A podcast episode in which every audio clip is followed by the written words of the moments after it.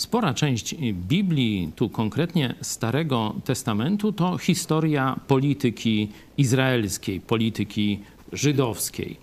Czyli mamy tam przedstawionych różnych królów, władców, różne wydarzenia, bitwy, decyzje, grzechy, błędy, głupotę, bezbożność, pobożność i tak.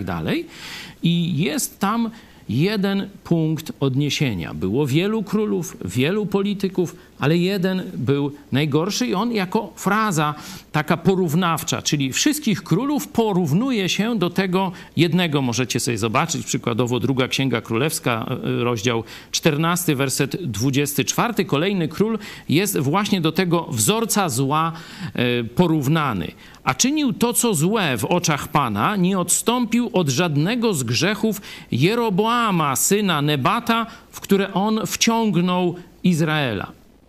Jest wielu polityków, ale są politycy, którzy przodują w złym rządzeniu, którzy wciągają w zło cały naród. Tu akurat ten Jeroboam wciągnął Izrael w różne głupoty, grzechy i tak dalej, i już później praktycznie nikt nie mógł wyciągnąć e, Żydów z tego, z tego upadku.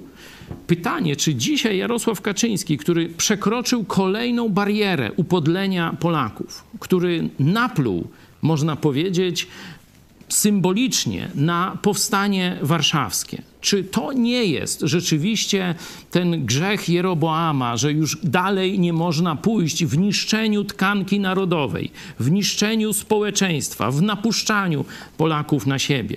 Bo to nie jakiś Bąkiewicz czy Sośnierz z otoczenia czy zaplecza politycznego Konfederacji.